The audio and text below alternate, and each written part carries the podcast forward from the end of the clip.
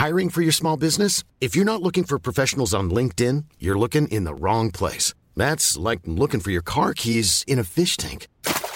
LinkedIn helps you hire professionals you can't find anywhere else, even those who aren't actively searching for a new job but might be open to the perfect role. In a given month, over 70% of LinkedIn users don't even visit other leading job sites. So start looking in the right place. With LinkedIn, you can hire professionals like a professional. Post your free job on linkedin.com slash people today. Hold up. What was that? Boring. No flavor. That was as bad as those leftovers you ate all week. Kiki Palmer here, and it's time to say hello to something fresh and guilt-free. Hello Fresh. Jazz up dinner with pecan-crusted chicken or garlic butter shrimp scampi. Now that's music to my mouth. Hello Fresh. Let's get this dinner party started. Discover all the delicious possibilities at hellofresh.com.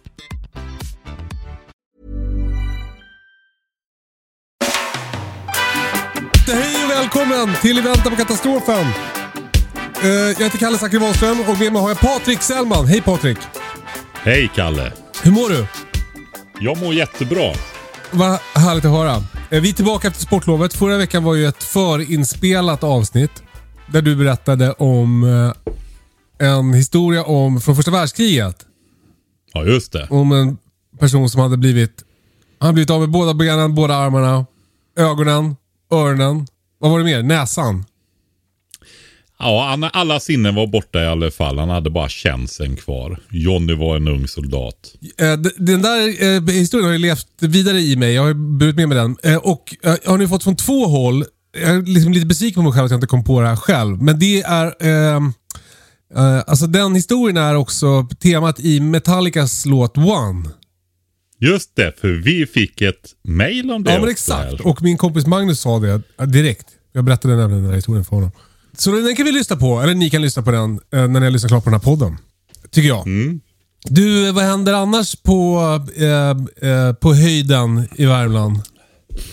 Jo, jag fortsätter att flytta över verksamhet. Jag har lite mer material som ska ner till snickeriet med bikupetillverkningen som är i full gång där nere nu.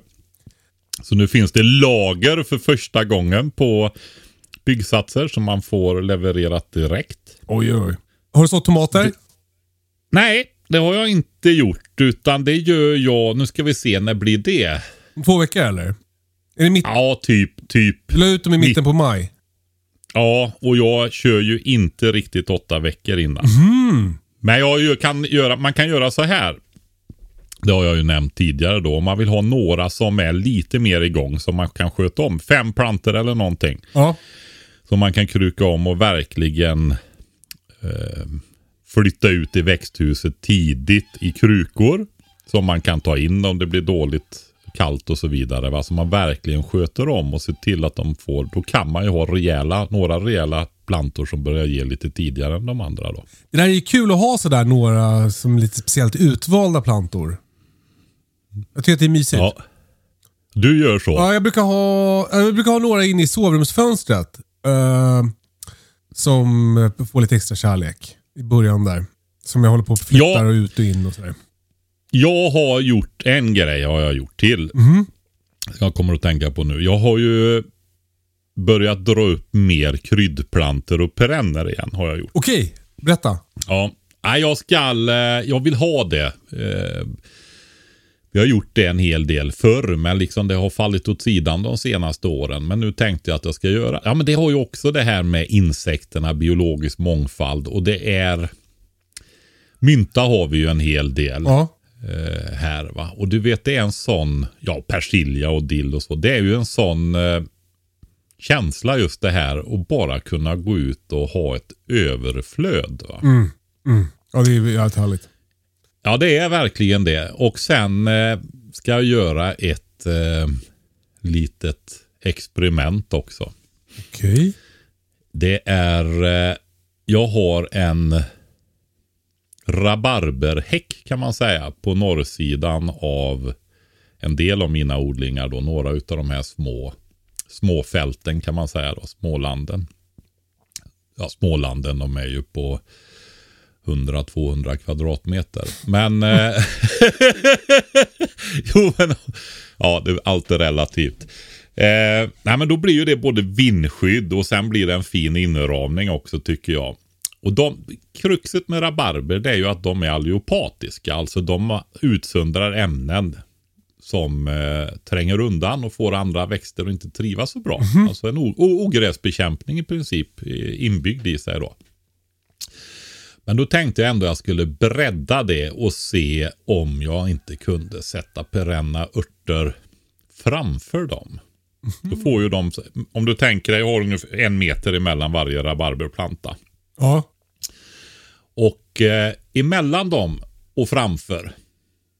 Så att de inte hamnar liksom riktigt under bladen. Så eh, ändå i närheten så ska jag se om de klarar sig. Ja, spännande. Ju- Ja, det kan bli, bli jättebra. Men det är inte ja. risk att de här perenna örterna då drar sig mot det, mot landen? Nej, jag har eh, ganska rejäl eh, kant där. Ja, Okej, bra. Ja, för jag hörde nämligen igår eh, föreläsning av en kvinna som berättade att eh, hon hade gjort ett experiment där hon hade odlat eh, en chiliplanta mellan en fänkålsplanta och en basilika. Då basilikan är tydligen eh, liksom en sån schysst planta som hjälper andra växter att växa. Och fänkålen är en sån som sabbar för andra växter. Och då, då, de hade liksom ingen kontakt. De var i, i, i byttor bredvid varandra. De såg inte ens varandra. Om de, de kan vi inte se. Men, men de, man kunde ändå se att den här chiliplantan, den liksom sträckte sig mot basilikan och bort från fänkålen. Och då hade, hon, då hade hon kommit på att det var att de, att de eh, kunde lyssna. Alltså de kunde höra ljuden. De, de gör också ljud när de växer tydligen.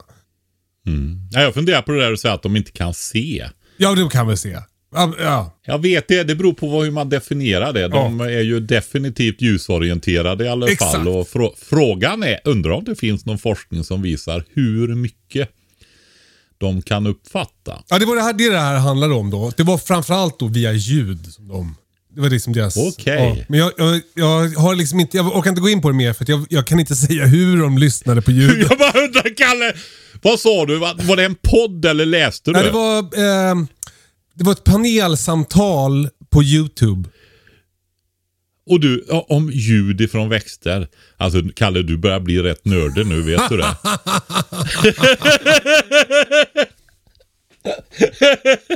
Ja, det är fan sant det. Du, eh, får jag fråga om persilja och dill? Ja. Eh, hur tänker du med det för att få ett överflöd? Har du sått det nu? Persilja brukar jag dra upp plantor av. Ja. Eh, däremot dill, det brukar jag direkt så. Ja. Det gör jag. Men där, dill är en som jag verkligen drar iväg en 10 meters rad av. Oj, Alltså. oj, oj. Så den, den är... Kan man säga att du har eh, fått dille på dill? dill? Ja. Ja. Och det är ju just när du ser eh, när den blommar sent på säsongen också. Du ser alla insekter Ja. i den. Va? Så... ehm, Snytbaggar. Det ja men det är gott att ha mycket dill. Är det snytbaggar som brukar vara i dem? Ja, du, det är väldigt mycket olika som brukar Alltså vara jag det, hittade men verkligen det, bara på, jag drog det verkligen ur röven, snytbaggar. Men det är några små orangea Ja, som brukar vara i dill. alltså jag är väldigt fascinerad av insekter. Inte snytbaggar. Nej, men, ja, men grejen är så här att jag är... Eh, vad är det de heter de här som är så... De heter... Eh, ah, det är experter på insekter. Nästan tänkt att de skulle få komma hit någon någon gång.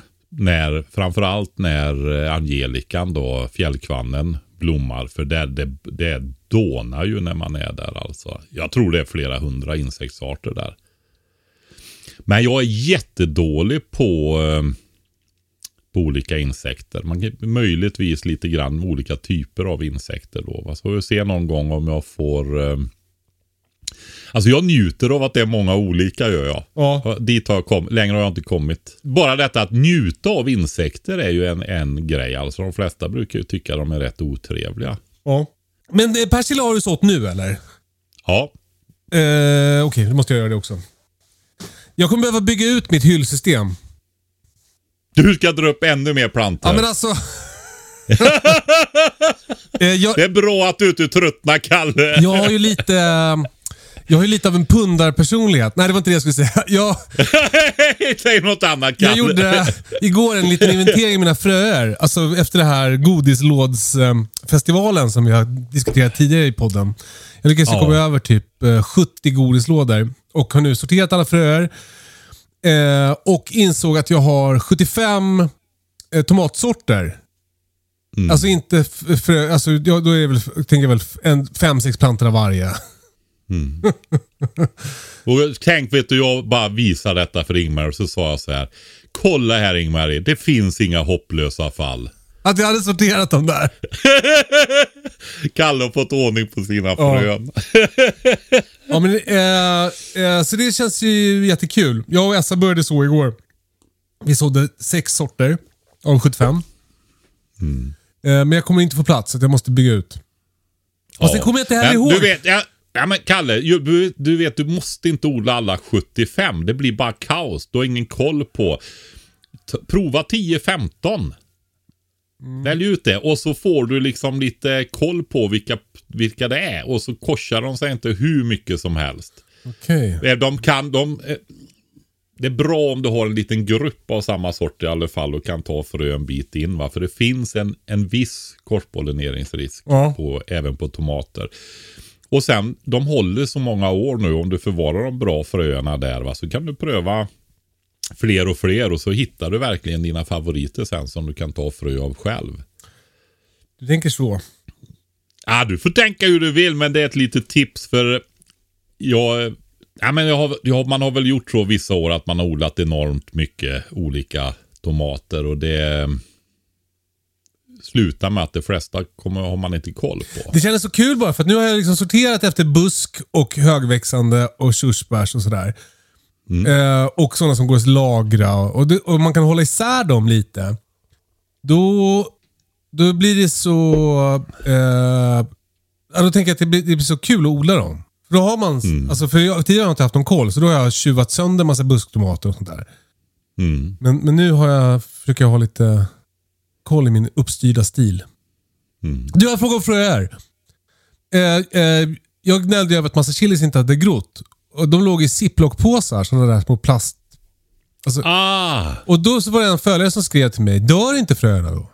Men det, jag vill också säga det, vi pratade om chilifröer där och eh, du vet, de vill ju ha väldigt hög temperatur när de ska gro. Ja, precis. Men har, alltså jag har haft Alltså- hög temperatur. Och jag, Närmare 30 än 20. ja, det, har, det har jag inte haft. Men jag har haft mitt 25 kanske. Ja, men det räcker. Men, det, men och det, sen har vi ju massa som grodde, men vissa inte. Men, men då är frågan bara, dör fröer om de ligger för länge i ziplockpåsar? Syrebrist? Alltså, jag vet inte hur länge det är. Jag brukar skicka iväg fröer i ziplock-påsar. Men är det för hög fuktighet och sånt där så eh, kan de ju mögla och allt möjligt. Då, Just det. I, i ziplock också. Men det finns ingen sån här Nej. typ att syret tar slut, så då dör de? Alltså då får de ju ligga bra länge tänker jag. Jag, jag har faktiskt inga, inte riktigt grepp om vilka mängder luft det går åt. Men visst, det är tänkbart. Men eh, alltså en del, tar, en del sorter tar väldigt lång tid på sig. Va? En del gror fort på några dagar och en del tar ett par veckor, några tre veckor. En, vissa sorter kan ta väldigt lång tid. Nu kommer de inte gro alls i alla fall, för nu har jag, eh, skolat om och slängt det som inte hade grott. Ja, men sen har du ju det där också med ljusgroende som du införde där. Just det. ja. Som jag hade Det hört. har, alltså, det, det där, jag undrar om inte det är så att det där har blivit en vandringssägen. Ja, kul. Det här är så roligt. Det här smsade du till mig. Ja, det här, nu, får, nu kommer de, de skickar ju alltid till dig klagomål på mig. Ja. Men alltså, jag läste på engelska så jag har aldrig hört detta förut då. Eller jag har väl fladdrat förbi men jag har ju liksom odlat i 30 år så jag tänkte jag fortsätter som jag brukar göra. Eh, och putta ner dem i jorden en till två centimeter. Och eh, det har ju gått bra. Två Alltså, centimeter att- ju- är ju väldigt djupt. Ja det är det. Men, när, ja, men, nej, men det är ingen fara Ja, med en chili egentligen. Men säg en centimeter då. Det är väl vanligast. Eh, det står ju att man ska ställa dem på en väldigt ljus plats och sådana där grejer. Och det är ju av samma anledning som tomater. Och jag tänker att det kan vara ett bekymmer det där att folk lägger chilifröna uppe på ytan. Mm. Det gör väl du med då? Vad sa du? Det gör väl du också då förstår Nej, jag? ja, jag har inte gjort det för jag tyckte att det känns orimligt att lägga den på ytan. Men jag, jag har bara, jag har liksom bara haft lite, lite jord på ut. dem. Ja, lite jord på dem. Vad bra Kalle. Nej men alltså om man lägger dem på ytan då får man ju vara otroligt noggrann så att precis när de börjar gro att de inte torkar. För de blir ju mycket mer torkkänsliga när de ligger Mm, på ytan. Va? Det är ju en fördel med att stoppa ner dem om de nu gror utan ljus också. Just det. Ja. Ja, det verkar funka utan ljus som sagt. ja, det är ju så. Eh, Du, en annan grej vi snackade om i förra avsnittet var ju det här med eh, eh, bekämpningsmedel. Mm, Pyralider. precis. Eh, och... Eh, Vi pratar ju lite om det där med ogräs och körningar och sånt där. Och då fick en, Gustav heter han. ja, han har skickat facit. Han gav ett exempel, ett uppdaterat. Att du har hoppat ju- över en grej som han har skrivit här. Ja, Först skrev han Kalle har rätt. ja just det. Mm. Det var ju spännande. Årligen i konventionellt bruk. Ja, tänk. Ja, Det- ibland så. Det, ja, Eh, Det var du som sa att man inte besprutar på- för ogräs. Jag sa att man besprutar för ogräs. Det gör man tydligen. Ja, ah, Ska Ja. jag läsa upp Gustav? Det här är ju intressant för alla oss som är eh, bekämpningsmedelnördar. ja, men jag tycker att det är ett bra exempel på faktiskt hur det ser ut i modernt jordbruk. Ja. Jag är lite outdated. Jag är ju 90-talsutbildad. Just det. Det var ju Roundup på den tiden vet du. Det körde man inte i växande gröda. En bekämpningsplan för till exempel höstvete kan se ut enligt följande, skriver då Gustav. En förebyggande ogräsbehandling beroende av om man plöjer eller kör plöjningsfritt. En ogräsbehandling. Eventuellt en insektsbehandling vid behov. Sen på våren, det var på hösten då. På våren, en ogräsbehandling. En till två insektsbehandlingar. Två till fyra svampbehandlingar. En del av behandlingarna kan kombineras. Ja. Ganska mycket Alltså det- eh, besprutning. Alltså det här är ju höstvete. Den eh, sår du på hösten och det är ju den som ger högst skördar. Men eh, jag kan få säga så här. Jag är lite, ja jag kan nog använda ordet chockad över att de sprutar så mycket nu alltså. Ja. Men det- har väl att göra med det här att, som du sa, att du, eh, du tänker på att eh, bekämpningsmedel är något jättepotent och farligt. Och nu kan, Nej, jag tycker det är jädrigt otrevligt med för mycket bekämpningsmedel. Men de kanske inte är så farliga nu för tiden och därför kan man då spruta man måste spruta mer för att de inte är lika giftiga. Ja, det är jag. Jag vet inte. Jag kan ingenting om de här eh, gifterna. Men eh, jag förstår ju att de påverkar och påverkar omgivningarna och sånt också. Och jag, det, jag kan väl tänka, tänka så här att det här är ju ytterligare bara ett väldigt bra argument för att börja odla så mycket som möjligt själv. Även om just vete kanske är lite besvärligare att odla. Ja, det är väl så. Men det låter ju också, precis, du pratar om biologisk mångfald och det är så härligt med så mycket insekter och sånt där. Och så då, då, hur många insektsbehandlingar var det nu då? Det var ju, jag ska säga, en på hösten, en till två på, som, på våren. Mm. Alltså som då dödar insekter är det väl? Ja, svampbehandlingarna här, det är ju så här att svamp i spannmål det är ju en väldigt eh, olycklig företeelse. Om man inte vill ha LSD. Ja, eller cancer. Afla, aflatoxiner Ja, bildas utav i, i, när du får mögel i spannmål och sånt där. va. Det har ju varit ett dilemma vid all spannmålsodling i, genom årtusendena höll jag på att säga. Va? Så det, det är ju kompromisser får man väl säga sånt här. Så att eh, ja, så är det. Det är ju samma som potatis. Är det en fuktig sommar så sprutar de ju mot bladmögel och sånt ja, varje vecka i princip. Ja. Men du menar att det, alltså, att det medlet mot bladmögel, skulle, är det dåligt menar du? Nej, men att man vet att det sprutas så här mycket. Ja.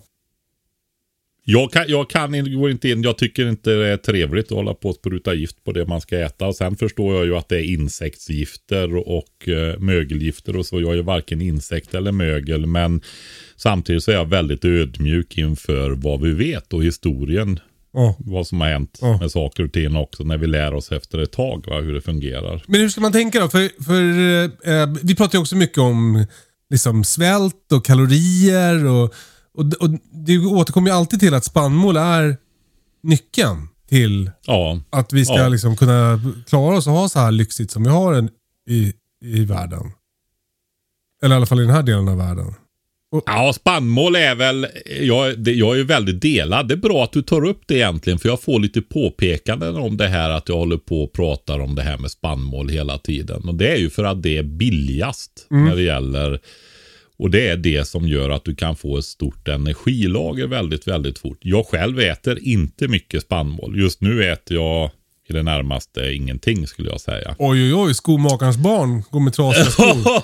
Nej men alltså vi pratar ju om de här vetelagren och det. Jag har ju massa vete här och vi använder vete. Det ger vi till djuren och fåglarna och sådär va. Men eh, eh, det är klart, alltså vete är ju en av de stora Vete, majs, ris. Det är väl de största eh, kalori Källorna. livsmedlen ja, som vi har i världen. Ja. Så, så de är ju oerhört betydelsefulla. Så så är det. Ja, precis. Men då, eh, man måste jag, jag, det. jag, själv, jag själv köper ju utav en ekobonde och han kanske får 7-8 ton istället för 10 ton per hektar. Ja. Någon till den storleksordningen. Då kör han med rötslam för du måste ju gödsla va. Mm. Så han tar ju från biogasanläggning då. Och det är ju så. Det, det är ju det, hur man än vänder sig så sitter rumpan där bak va. Mm. Med den struktur och det vi har idag. Du måste ju ta, plockar du bort, du får göra en näringsanalys på en jordbruksfastighet. Tänk dig den, all den mängden näring du plockar bort från den. När du skördar och skickar iväg till kvarnar och så vidare och ut till bagerier och till djurfoder och sådana grejer på andra platser. Alltså du måste ju föra tillbaka näringen på något sätt. Va? Och det är, ju det, det är ju där som konstgödseln då har varit så oerhört effektiv. Att kunna producera den billigt med billig energi. Så det är ju det som har gjort att det har blivit en av de grejerna som har gjort att det har blivit väldigt stora skördar. Kortsiktigt i alla fall, alltså därför att du får ju betydligt sämre humusuppbyggnad i jorden om du inte tillför organiskt material istället. Va? Men nu pratar vi Så det- bekämpningsmedel. Ja, Och, och, och det, min, min fråga var väl egentligen så här.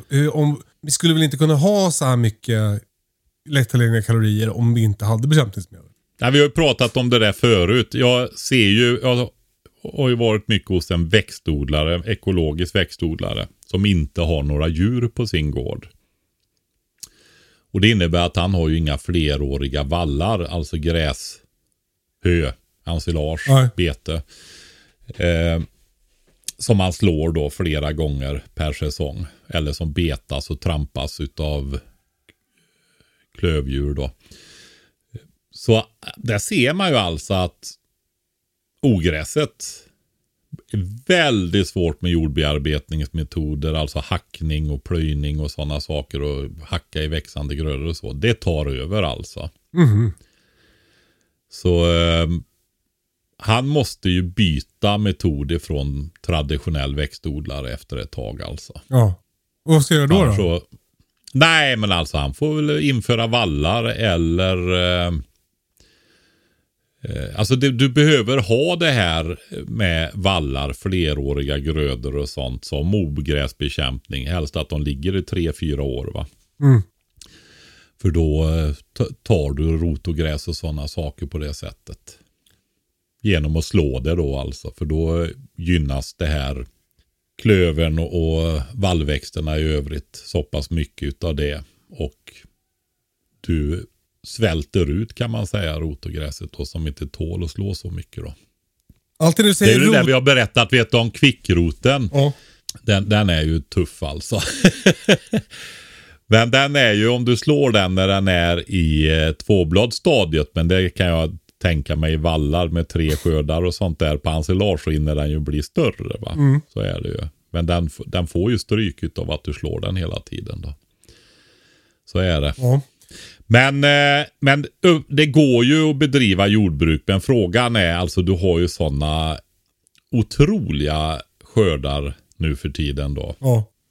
Och det, det, tittar man på vad spannmål och sånt där har kostat, kostat genom de senaste decennierna här va, så är det ju helt ofattbart hur produktivitetsutveckling då som det har varit att hålla nere priserna. Va? Eh, kul att du sticker ut hakan lite Patrik. Hoppas inte får någon skit nu bara. jag tycker jag har varit ganska nyanserad åt båda håll. Mm. Jag tycker det är jäkligt otrevligt med allt det här sprutandet. Mm. Jag har inte, jag, jag liksom tänker inte lägga någon tid på att detaljstudera det heller. Va? Utan det finns säkert och de har säkert hittat på jag vet inte vad det betyder om det kommer ut i vattendrag eller hur det påverkar eller om det finns kvar och så vidare. Och vi efter ett tag får lära oss att det där kanske inte var så jädra bra egentligen. Herregud Patrik, nu orkar jag inte prata mer om bekämpningsmedel. Jag vill gå vidare. Nej, jag tyckte vi kunde ha ett lite roligare avsnitt. Men det, som, det, det jag tycker var bra i alla fall där, det är det här att eh, Gustav där med sitt exempel visar verkligen hur det ser ut idag. Va? Att det är så pass mycket Alltså de här eh, sprutorna som de har, de används verkligen. Nils, lägg in musik, fort! Ja.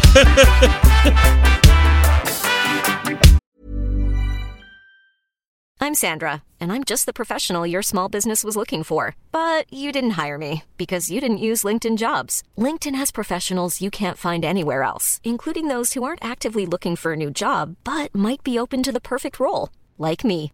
In a given month, over 70% of LinkedIn users don't visit other leading job sites. So if you're not looking on LinkedIn, you'll miss out on great candidates like Sandra. Start hiring professionals like a professional. Post your free job on linkedin.com/people today. Hold up. What was that? Boring. No flavor. That was as bad as those leftovers you ate all week. Kiki Palmer here, and it's time to say hello to something fresh and guilt-free. Hello Fresh. Jazz up dinner with pecan-crusted chicken or garlic butter shrimp scampi. Now that's music to my mouth. Hello Fresh. Let's get this dinner party started. Discover all the delicious possibilities at hellofresh.com. One size fits all seems like a good idea for clothes until you try them on. Same goes for healthcare. That's why United Healthcare offers flexible, budget friendly coverage for medical, vision, dental, and more. Learn more at uh1.com.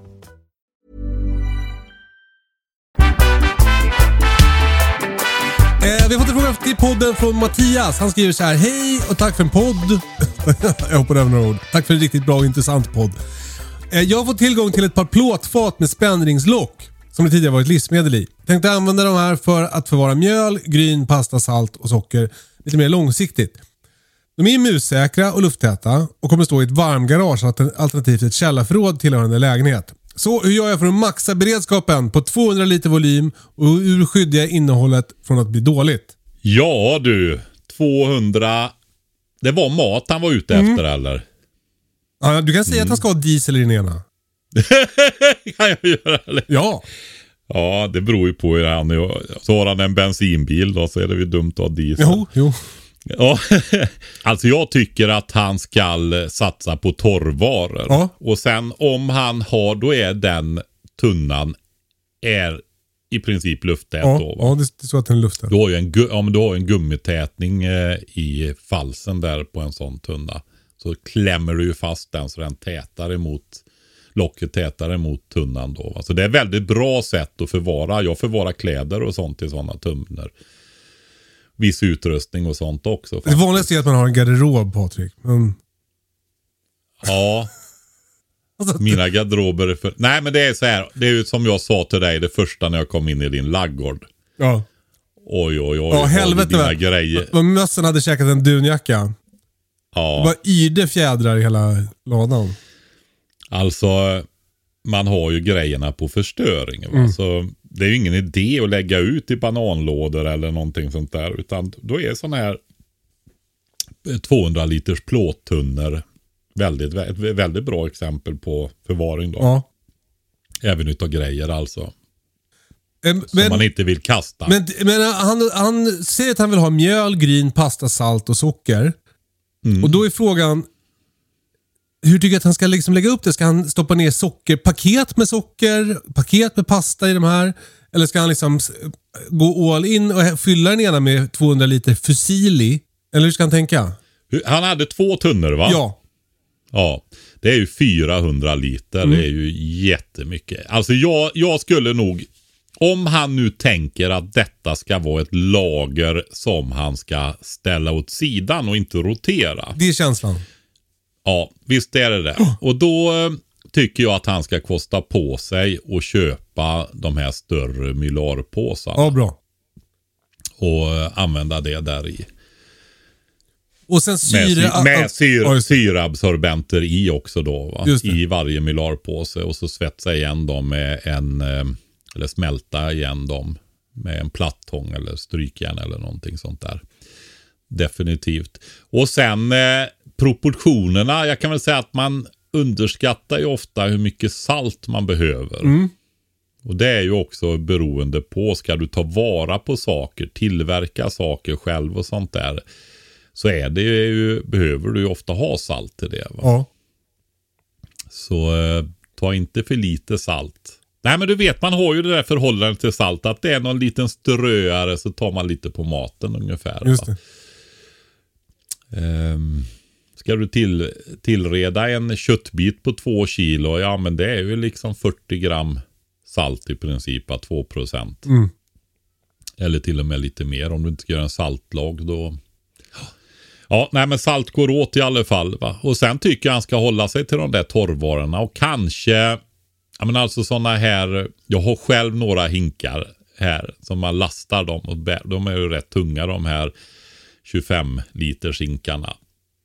Om det är ris i eller någonting sånt där. Och så ibland så kommer det en med penne i. Det känns som man har konserverat luft ungefär. va. Du vet, det är ju bara massa hålrum Ja. i det där. Alltså det är bättre att ha något lite mer finkornigt. Ja, vill du, vill du ha pasta så ta spaghetti. Ja. Och så ställer du och packar dem där eh, hårt i så fall. Va? För då blir det inte så mycket. Då blir det rejält tyngd i den hinken också. Men annars är ett alternativ faktiskt att att kunna mala och göra egen pasta då. Va? Men spaghetti är ju nästan den, det är väl den bästa pastan överlag tycker jag. Alltså godaste. Alltså jag lutar nog åt att hålla med dig faktiskt. Ja. Ja, jag tycker det. Då- Men sen, eh, jag som hållit på lite grann med pasta då. Det är ju så. Men jag, eh, så är det ju, alltså i södra Italien så har de ju en otroligt häftig, alltså det var ju väldigt fattigt där då. Va? Så att de har en variation med att enkla redskap forma enormt massa olika pasta då. Va? Som de tillagar. Ja. med ja, gafflar och små brädor och allt möjligt. Det där, om man tycker det är spännande med pasta och sånt, så titta på den kulturen där alltså. Då får du komma ihåg då Mattias att du ska spara, du ska också ha gafflar och på brädor. Ja, precis. Eh, ja, men men eh, eh, eh, satsa på salt och eh, eh, snabbmakaroner. Eller spaghetti. Och eh, eh, lägg i milarpåsar med syreabsorbenter så kommer Ja, men också när man har de volymerna som 400 liter så har du ju sådana här saker som potatismjöl, majsena och så vidare. Va? Alltså torrvaror som du har i skafferiet. Vill du göra krämer eller någonting så utav bär eller så, så är det bra att ha det också när du har de mängderna. Va? Ja. Alltså att man skapar en variation utifrån ett torrskafferi helt enkelt. ja. Du, jag ska säga också den som hade mejlat om Metallica One hette Martin. Eh, förlåt Martin att jag inte sa det förut. Eh, du, sen har vi fått en kommentar kring det här fågelavsnittet vi gjorde. Eh, vi pratade Just om eh, vilka fåglar som är bäst att ha. Och det är Lars-Erik som tycker att vi glömde vaktlar. Ja, det gjorde vi ju. Vaktlar ger bra med ägg året om på väldigt lite foder. De kan lägga ägg med 18 timmars intervall, så man kan få mer än ett ägg per dag. Skulle säga att bra hönor lägger 8 ägg i veckan. Ett väldigt gott kött dessutom på vaktlar då. De ruvar inte själva så man måste ha kläckare och spannmål behöver krossas eller malas. Det är väl nackdelarna. Ja, jag, eh, har, du vakt, har du haft vaktlar Patrik? Nej, Men eh, på småbrukarkursen i fjol så var det en som tog med sig vaktlar då. Hon, eh, föder, hon är väldigt förtjust i dem och äggen och så vidare. Jag personligen själv tycker att äh, det du vet, vi pratar om det här och ha lite större hund så det inte blir så jobbigt att uh, slakta dem. Ja. Eh, eller att det blev någonting för att det går åt en del arbete att göra det faktiskt då. va. Och vaktlar är väl väldigt små om vi Ja, säger just- så. Ja, precis. ja, de är ju som eh, talgoxar. Ja, lite större är de väl. Men, eh, men det är ju just det, det finns ju, alltså har du liten yta så, eh, alltså du får ju ägg hela tiden. De här små, små äggen. Hur stora är de egentligen? 20-25 millimeter? 30? Mm. Ja, 20-25, ja, någonting sånt va. Men de, eh, vad jag förstår så har de väl utvecklat vissa tekniker också eh, när det gäller att skala de här äggen och sånt som gör att det går ganska fort då. Jag var väldigt intresserad av vaktlar i, början när vi flyttade till gården. Jag höll på att tänka hela tiden att jag skulle ha vaktlar. Eh, men det har liksom inte blivit av. Och nu har jag helt kommit av mig. Jag, jag vet inte riktigt vad det är som... Jag, det lockar mig inte riktigt längre. Nej, jag har till och med köpt en eh, sån här ja, vändare som du sätter äggen i, i, i kläckaren Ja. för att, till, till vacklar. Då, va? Det är väl de enda äggen i princip som jag skulle kunna tänkas kläcka i den. Men eh, jag har också kommit av mig när det gäller vaktlarna då. Ja, jag kanske får eh, kolla upp det. Inget som jag Mm. läste på om när jag, när jag höll på med det där förut, det var att de får inte ha för högt i tak. Därför att de är så otroligt eh, flyktbenägna så att om de blir rädda då kan de flyga upp och då slå huvudet i taket och bryta nacken om de hinner få upp för mycket fart. Mm. Det tyckte jag lät spännande. Ja, Eh, Nej, men det är väl Ja, ganska många som har vaktlar i små burar bara. Så att då, då om man till exempel bara har liksom ett eh, radhusgarage och har sina fåglar i, då kan man ju ha vaktlar. alltså jag tänker så här att vaktlar är säkert helt perfekta i rätt kontext då. Ja. Så är det. Så att vi borde ju ha tagit upp dem. ja. Det gjorde vi inte. Men, eh, nej, tack Lars-Erik för att du håller koll. ja absolut. Supertack. Sen har vi fått en fråga från Emil. Eh, han skriver så här. Som nybörjare gjorde jag misstaget att odla potatis på nybruten mark. Konsekvensen är nu att jag har fått knäppalarver och mjöldagg dessutom. Min fråga är vad jag kan odla i den bädden som inte tar skada av nämnda skadedjur. Planen är att sätta tre systrar. Och tre systrar då för er som inte har lyssnat på alla avsnitt och fört anteckningar. Det är majs, squash och någon böna som klättrar på majsen. Ja. Eller ärta kan man ha också om man vill. Ja. Eh, ja men knäppalarver det är ju så. Gör man vallbrott så är det väldigt stor risk att man får knäppalarver i potatisen då. Alltså jag har begått ett vallbrott men jag tror att det är preskriberat nu. Det tror jag. Det är ett par år vet du så är det preskriberat sen kanske. Ja. Nej men eh, alltså eh, precis, för det här, det här nybörjarmisstaget har jag också gjort. Eh, att jag, eller nybörjarmisstag, jag visste om att det skulle bli så här. Jag, jag plöjde upp ett, ett potatisland i gräsmattan därför att det var gräsmatta överallt här där vi flyttade in. Och jag behövde någonstans ha mitt potatisland. Så det är, det är väl så man får göra helt enkelt. Alltså jag tycker att det är bra att ha eh, potatis efter vallbrott. Och eh, därför att du får ordning på jorden och ogräset och så, så bra med potatisen. Det blir väldigt fin jord Ja. i den kombinationen. Och jag har inte fått jättemycket knäppalarver. Jo, någon gång har jag fått det och då gjorde jag helt enkelt så här att jag eh, när jag skördade så sorterade jag Ja. helt enkelt. För det var ju inte knäppalarver i allt. va. Och det gick till grisarna. ja. Potatisen med knäppalarver då. Så jag kokade dem i en större gryta och gav till grisarna istället. Det var ju smart. Men och, Ja. eh, eh, sen är det väl så också att de här knäppalarverna försvinner vartefter. Ja, det gör de. Jag har hört att det kan vara värst år två. Alltså jag tänker så här att det varierar ju med jordar och växtlighet och så vidare som har varit där. Men eh, jag tror inte det är någon fara att odla tre systrar på samma mark. För det var så jag tolkade att han tänkte göra. Ja, Visst var det så, Kalle?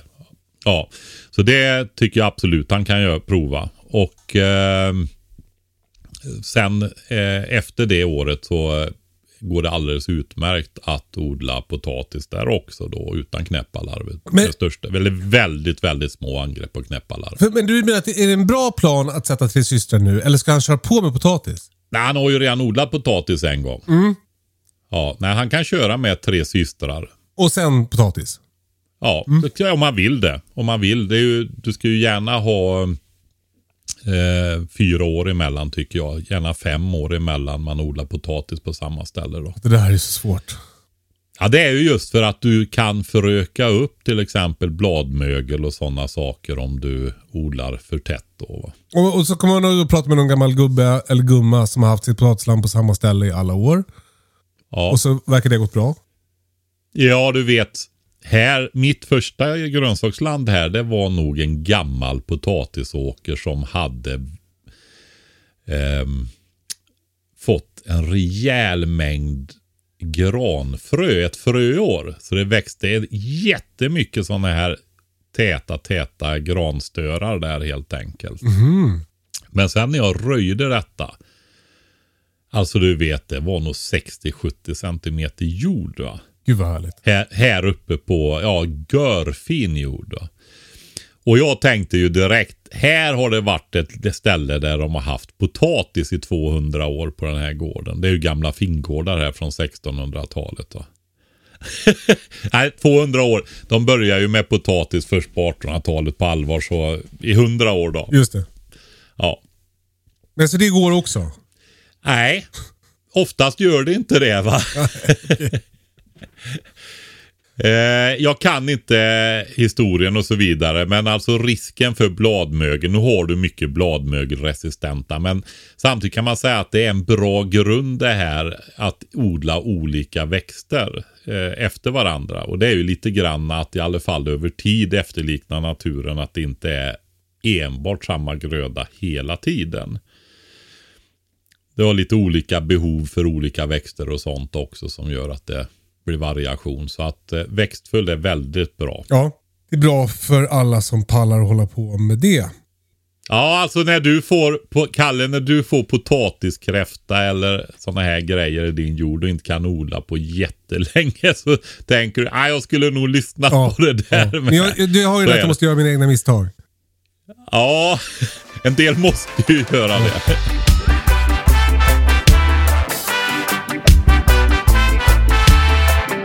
Ännu en fråga från Anna. Nej, ännu en fråga. Den här gången från Anna. eh, hon undrar hur, hur är det med får? Hon vill ha mer om dina mjölkfår, Patrik. Mm. Eh, Jag är ju jättenybörjare på det där. ja. Hur går det? Det går jättebra. Jag trodde att de skulle ha lamnat, lammat nu. Men eh, våran Bagge verkar ha varit en riktig gentleman faktiskt. Det är ju så här att vi köpte ju två tacklam i, i fjol då. Och en äldre bagge faktiskt. Och eh, vi släppte ihop dem. Och då var ju inte de här lammen könsmogna. Ah. Så ja, men det var för de var så få och de var så små de här så vi tyckte att de går ihop och så håller han reda på de här lammen. Ja. Och eh, så vi har inte haft riktigt, riktigt stenkoll på när betäckningen har skett i och med att de har gått hela säsongen. Va? Ja, ja. Och eh, när vi räknade på det så eh, tänkte jag att det skulle ha blivit lamm här kanske redan tidigt i februari. Men de har inte lammat än och eh, som det ser ut tänker jag att det fortfarande är några veckor kvar. Eh, inte många men man ser, jag känner ju, jag har vuxit upp med får, men det är ju länge sedan. Och eh, jag ser ju när de lägger sig ner så ser man det här klassiska att liksom att magen brer ut sig åt bägge hållen. Mm, va? just det. Det är något där inne. Ja. det är något där inne. Nej, men det är väldigt, väldigt, väldigt spännande är det. Och eh, jag har ju inte mycket mark. Så eh, jag samarbetar ju med grannarna när det gäller bete och sånt där. Och sen blir det ju lite speciellt med mjölkfåren också därför att du vill ju mjölka dem. Mm. Blir ju lite besvärligt om du har dem liksom på en äng Ja, långt bort ja. Ja, Ja. precis. Fem, bara, ja, det blir besvärligt med 500 meter och hur du ska mjölka dem och så vidare. Visst, man kan eh, lära dem att mjölka dem, men man vill helst ha en organisation på det där med pall och sånt där för att underlätta. Mjölkpall alltså, alltså som du ställer upp dem på, de är ju så låga. Och eh, så att det blir att göra i ordning det här. Men vi kommer inte att börja mjölka i år utan det får gå till lammen och då ställer ju de in mjölkproduktionen efter efterfrågan där. Va? Just det. Så eh, det går bra. Så det, men det ska bli väldigt spännande att komma igång med detta också. Få in lammkött i eh, egenproducerat lammkött. Och det som vi har pratat förut, lära sig det där. Ja. Eh, djupdyka i matkulturen runt det där på bredden och, och även charkuteri, och ta tillvara och så vidare. Vad man kan göra för någonting med det där. Vi har ju hållit på mest med älg historiskt och gris. I viss mån kaniner och höns också då, men och tupp framför allt. Ja. Men eh, mest gris och älgkött då. Just det. Du, eh, hon, hon undrar så här, vad krävs för att ha får? Och, och hur väljer man ras? Mm. Alltså, får är ju otroligt allsidiga djur på det viset att du kan få både kött, ull och mjölk ifrån dem då. Och även päls egentligen och skinn. Vad är det för fåglar vi hör? Är det sångsvanor du har skaffat? Ja, det är gässen. De är jätteglada nu. Jag har släppt ut dem. De har ju varit i växthuset i vinter. Jaha. Vi har ju inte fågelinfluensa restriktioner här än i alla fall. Så att de får gå ute nu så de är rätt lyckliga nu på våren. Du vet ju vad det är för tid på våren. För fåglarna. Ja. Du, Ja. vi, eh, vi såg... Det ska ju bli ägg snart. Ja, ja, jag fick eh, första laddningen ägg igår. Ja. Alltså det kom eh, 15 stycken plötsligt. Från ingenstans. Mm. Eh, Vi såg sångsvanor i morse. De, de samlar sig på fälten här utanför oss nu. Och Björn blev så... eh, Jag berättade då att de ska flytta och så här. Han blev så knäckt att, skulle, att han ville inte att de skulle flytta.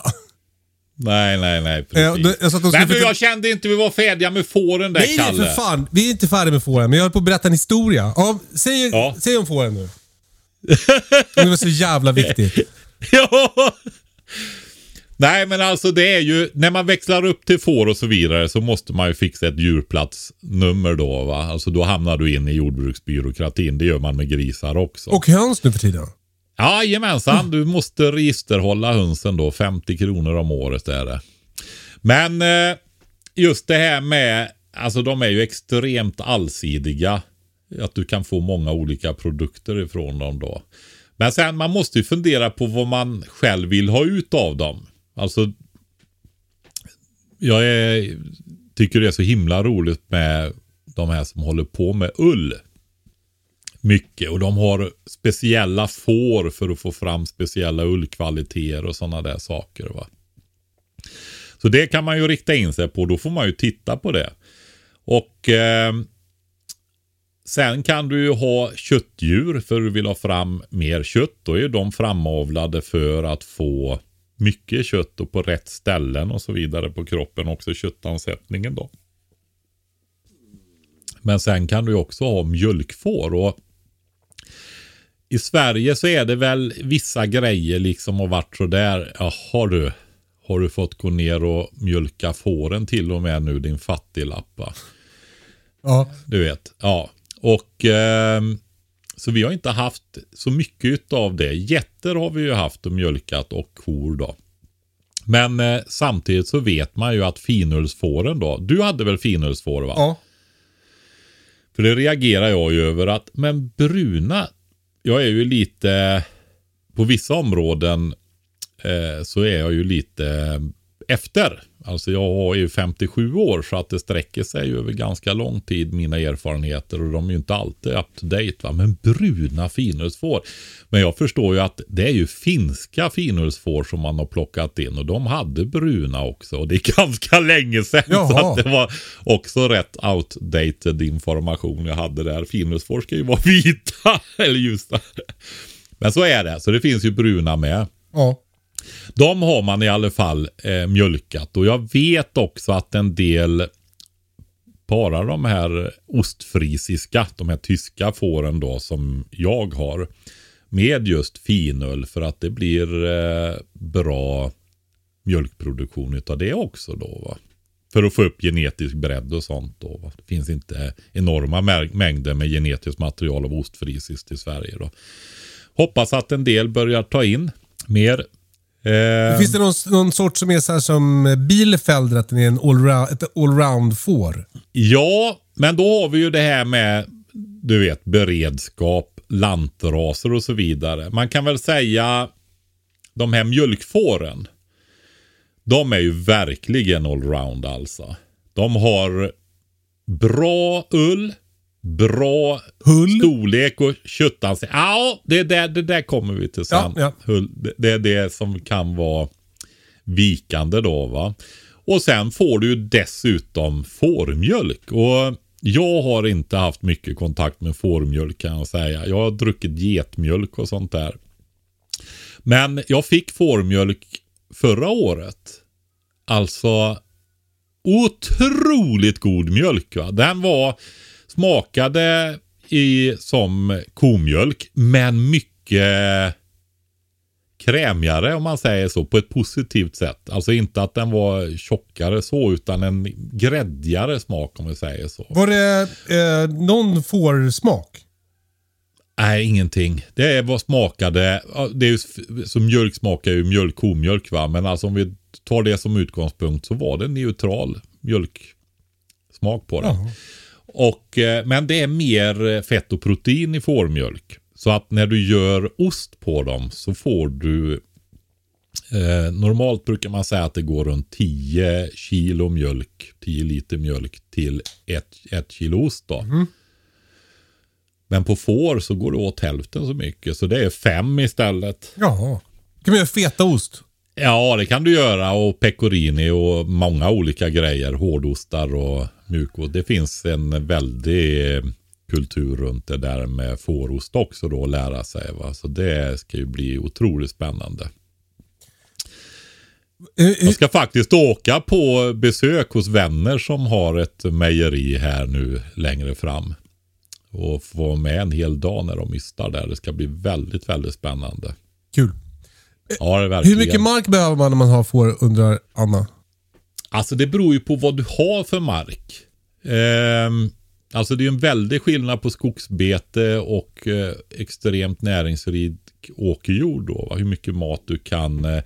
Men om man tar en, eh, ett, vi ska säga så här du vet, en grov höftning på lite vanlig svensk åker Ja. med, i Mellansverige och sånt där så tänker jag att du kan nog ha någonstans fyra till sex får per hektar i alla fall då. Ja.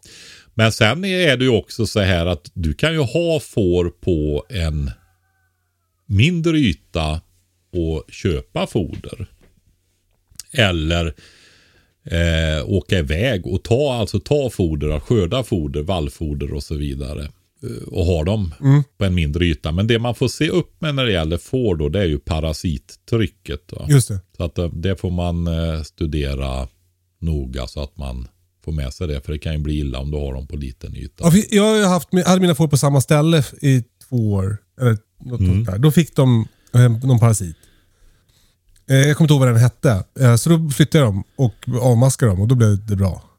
Ja, Eh, men så där måste man, det, där, det, var ett vikt, det är liksom viktigt. Det har jag fått lära mig den hårda vägen. ja, ja, ja, de dör fåren Ja. av parasittrycket om man inte sköter det där. Va? Så att eh, vill man få det där att fungera bra, då får man ju alltså en rotationsföljd över år Mm. med beten av får och då går det åt stora mängder. Mm. Alltså om man inte vill använda avmaskningsmedel. Va? Ja, så det, det, Det, kan är, vara lite det är lite samma tänk som det här.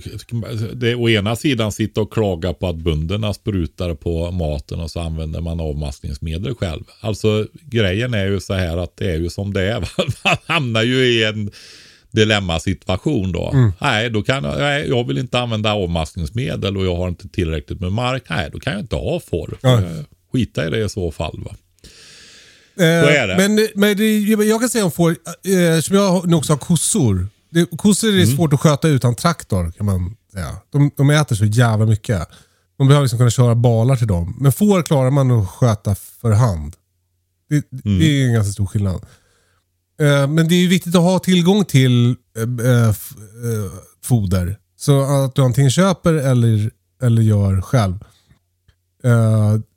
Annars så blir det jättekrångligt. För, för de, även om de lika mycket som kossor så de äter ju ganska mycket. Eh, och de eh, kan också, jag har min upplevelse att de kan vara liksom lite eh, fisförnäma när det gäller bete. Ser de ner på den Kalle? Nej, de är så lite, de är så lite picky med vad de vill äta och inte och sådär. Alltså om gräset är för långt till exempel, då kan de tycka att det är, det är till och med ofräscht. Tydligen. Ja. Nej men alltså getter och eh, får och även grisar är ju definitivt riktiga torpardjur. Va? Och det kan även de här mindre korna vara. Jag vet, vad, hade, vad är det för kor du har? Eh, Nej men jag har någon mjölkras. Eh, Men utav de här eh, RBG eller vad fan den heter. S- SRB, Ja, exakt. Svensk Röd Boskap. Ja. Ja. Eh, röd, blå, gul. Nej, var- Ja, jag vet fan. Eh, men i övrigt, vad behöver man? Man behöver ju ett vindskydd åt dem. Mm. Alltså tre väggar och tak. Ja. Sen behöver du halm som de kan ligga på. ja, eller det går med hö också då, med något fint strö som de kan ha på. Ja, så att det, I, i, ofta i mellansvenska bygder är det ju, som i mina bygder är det väldigt... Ja, du får åka till granngården och köpa halm för 20 kronor kilot eller vad det är. Ja. Men eh, Men man kanske kan ta granris då? nej, men du kör ju med hö som strö då istället. Mm, lyxigt. Ja, det blir det. Ja. Eh, och eh, när det gäller eh, foder i övrigt så minnas... Jag, jag har gjort misstaget att ge dem... De är bredvid grisarna. Så jag ger grisarna vete. Då skriker fåren så mycket så då ger dem lite vete också. Så då skriker de ännu mer så fort de ser mig nu. De tigger väldigt mycket. Eh, men det gillar de i alla fall väldigt mycket. Men deras, deras huvudsakliga föda är ju ensilage och, och hö. Uh, och sen när det gäller slakt, och det undrar Anna också över. Uh, så jag har ju slaktat lamm och det har gått... Alltså det, är- det är ganska... Det är, det är liksom, eh, ganska smidigt att hålla på med. De är inte- inte så stora så man, man kan oftast man kan liksom lyfta dem själv, hänga upp dem. Eh, då går det att, liksom manövrera omkring dem ganska bra så att du, du kan liksom ta ut dem ur hagen för att skjuta dem och bloda av dem. Eh, uh, I mean, liksom en, en smidig process. Det, det är lite trixigt det där med att du vill inte ha så mycket ullsmak så att du får vara lite försiktig när du typ, använder en kniv för att, som rör utsidan och sen en annan kniv som rör insidan och sådär. Men, men det, det kanske är självklart för folk. Uh, men det, det är typ som att slakta liksom ett rådjur. Eller stycka ett rådjur. Ja. Men jag kan säga, jag kom på en grej som är viktig att säga. Det här med olika raser och vad man vill satsa på. Ull, kött, mjölk. Jag sa att ostfrisisk är en väldigt bra kombinationsras. Alltså mm, bra ull, inte som de perfektaste ullraserna men går att använda till mycket. Bra hyfsade pälsar men inte som gotländska pälsfår där du kan få flera tusen för en päls. Va? Eh, och så vidare. Utan de här är ju det att de mjölkar mer. Men om man mjölkar ett djur så måste det, det är samma som vi tog med jordbruket där. Om du plockar ut mycket näring så måste det ju komma in mycket näring också. Va? det. Och eh, jag har eh, vänner som har mjölkfår där jag fick smaka i fjol då och eh, de varnar ju just för det att det är svårt att hålla hullet på de här. De behöver rätt kraftigt foder. Alltså det är ju tvärt emot de här lantraserna som går och äter Fly och blåbärsris. Va? Så eh, speciellt om man mjölkar dem då. Va? Då måste, alltså du kan ju inte räkna med att ta, liksom, ta ut eh, 2-2,5 kilo mjölk per dygn. Av en mjölktacka som är, går åt hälften så mycket att göra ost på som en ko. Och tro att du kan ge dem lite tunt ängsgräs va. Ja. Det funkar ju inte. Ja. Utan du måste ju tillföra den näringen med om du ska få ut den i mjölk. Va? Det är ju ingenting att tycka är något konstigt. Så är det. Ja. Annars får man ta en get som ger en liter eller någonting då. Va? Lite mindre. Ja. en lantrasget eller någonting sånt. Eh, när det gäller ullen så jag har provat att göra garn på ullen. Mm. Eh, jag skickade iväg den på, och man, med tvättning och allting. Det var supersmidigt. Jättedyrt. Eh, var det. Och det verkar svårt att få, det verkar vara långa köer på alla ställen som, som gör sånt där. Så det, det varnar jag för. Nu har jag de två senaste årens ull bara ligger i en hög. Jag tror att det bor möss i den.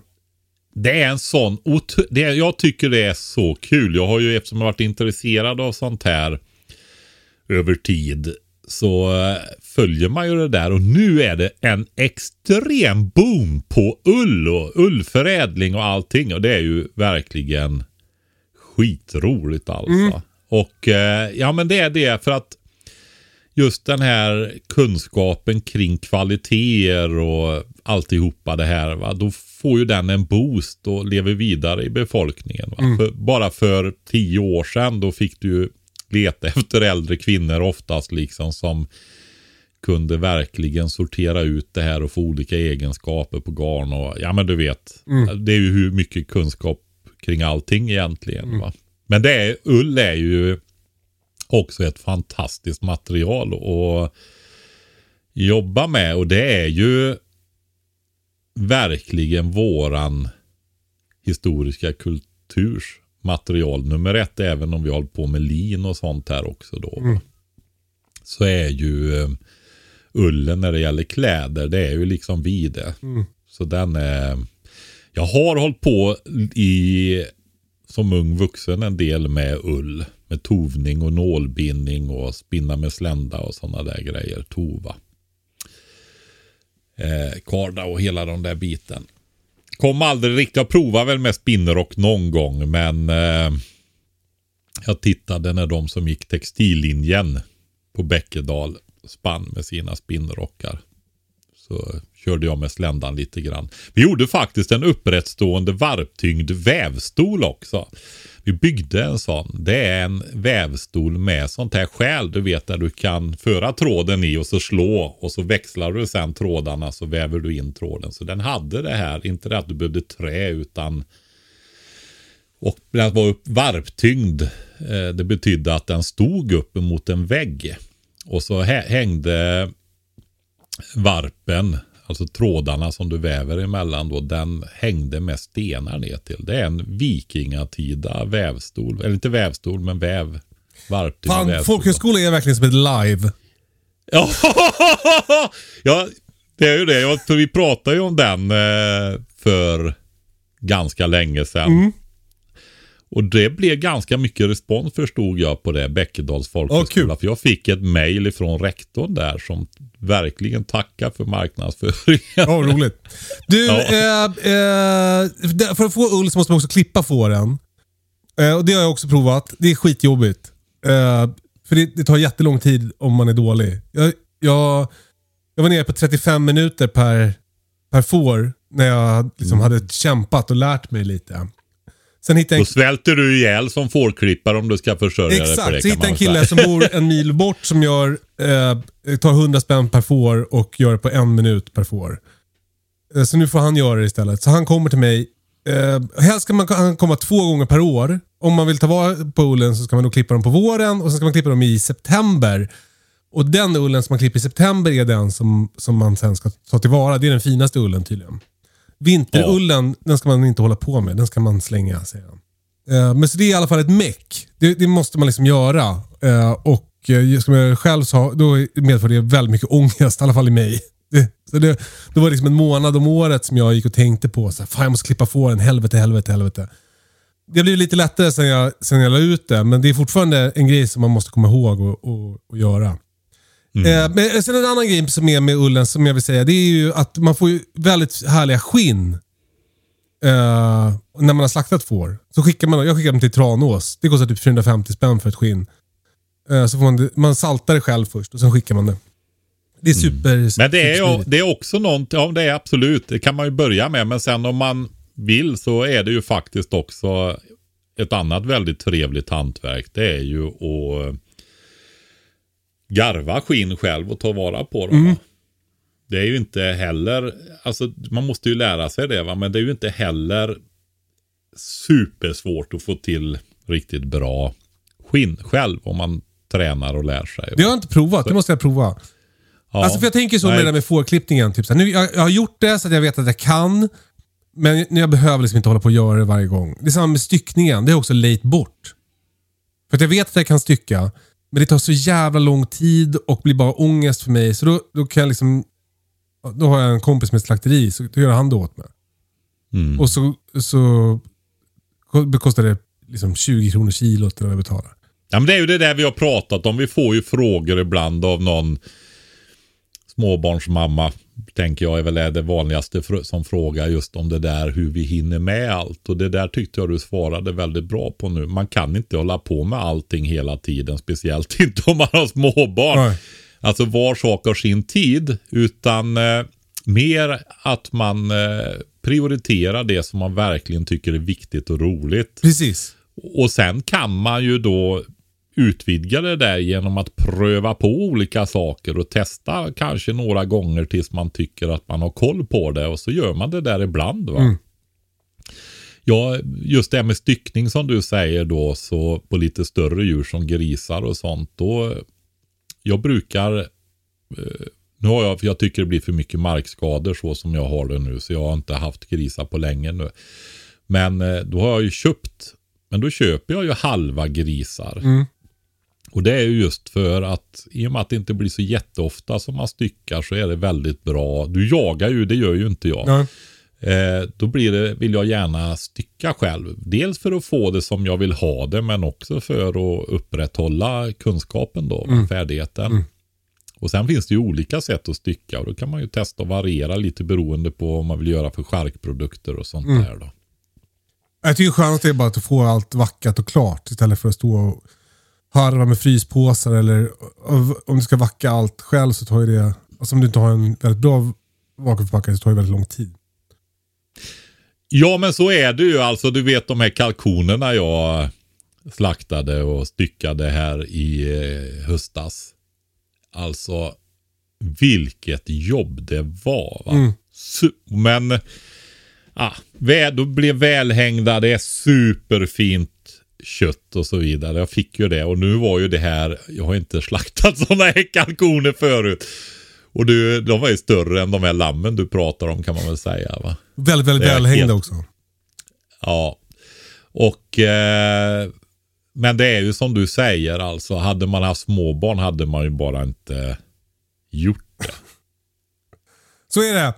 Du, apropå småbarn. Nej, inte apropå småbarn. Men eh, nu är vi klara för idag. Ja, Har du något du vill eh, eh, tipsa om?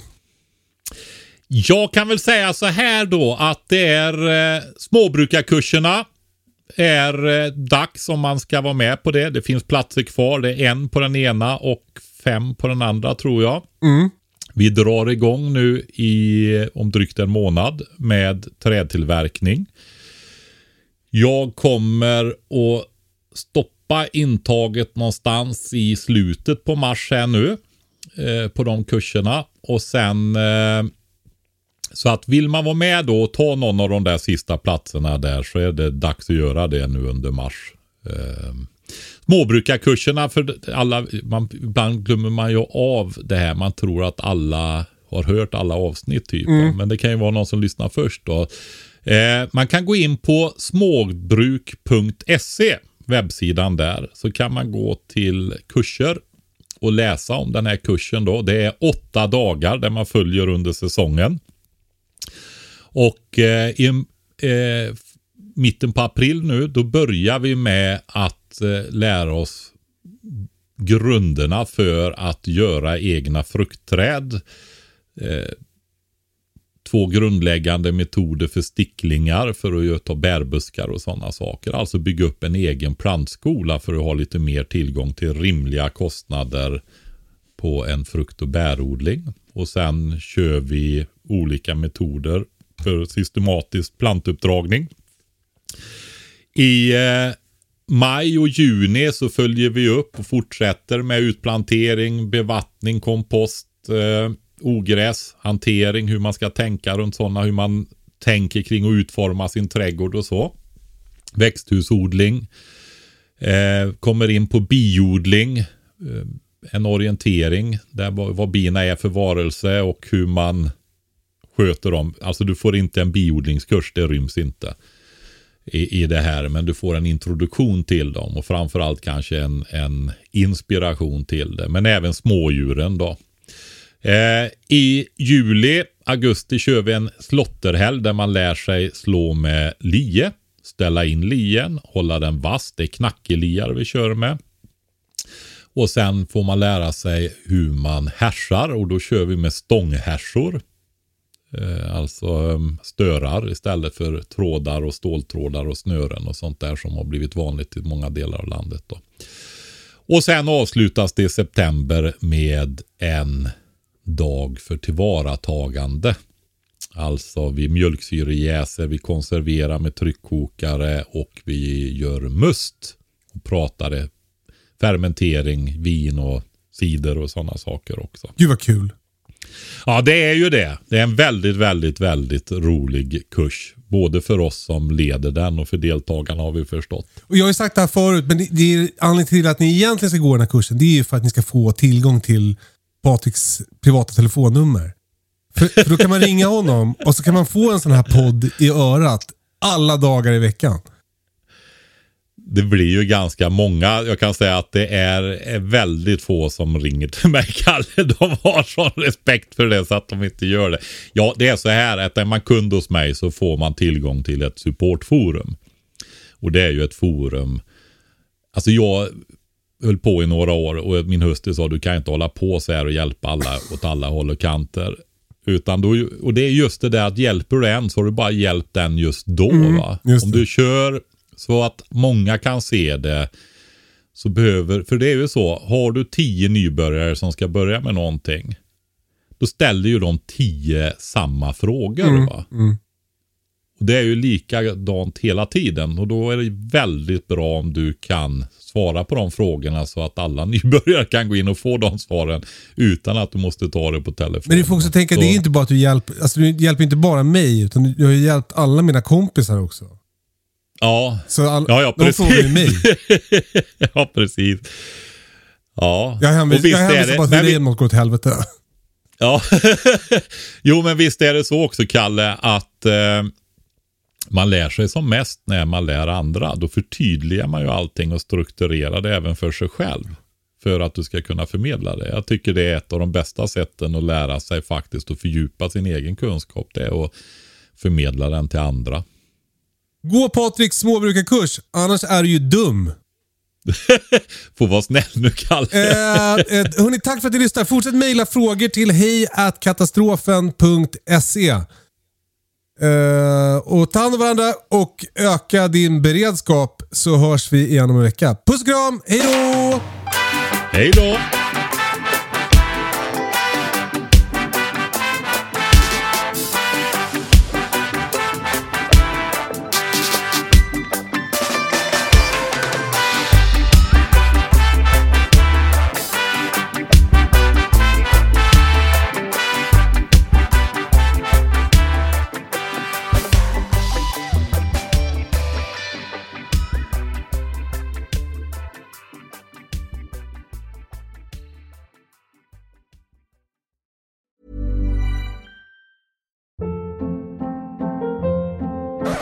Hold up. What was that? Boring. No flavor. That was as bad as those leftovers you ate all week. Kiki Palmer here, and it's time to say hello to something fresh and guilt-free. Hello Fresh. Jazz up dinner with pecan-crusted chicken or garlic butter shrimp scampi. Now that's music to my mouth. Hello Fresh. Let's get this dinner party started. Discover all the delicious possibilities at hellofresh.com.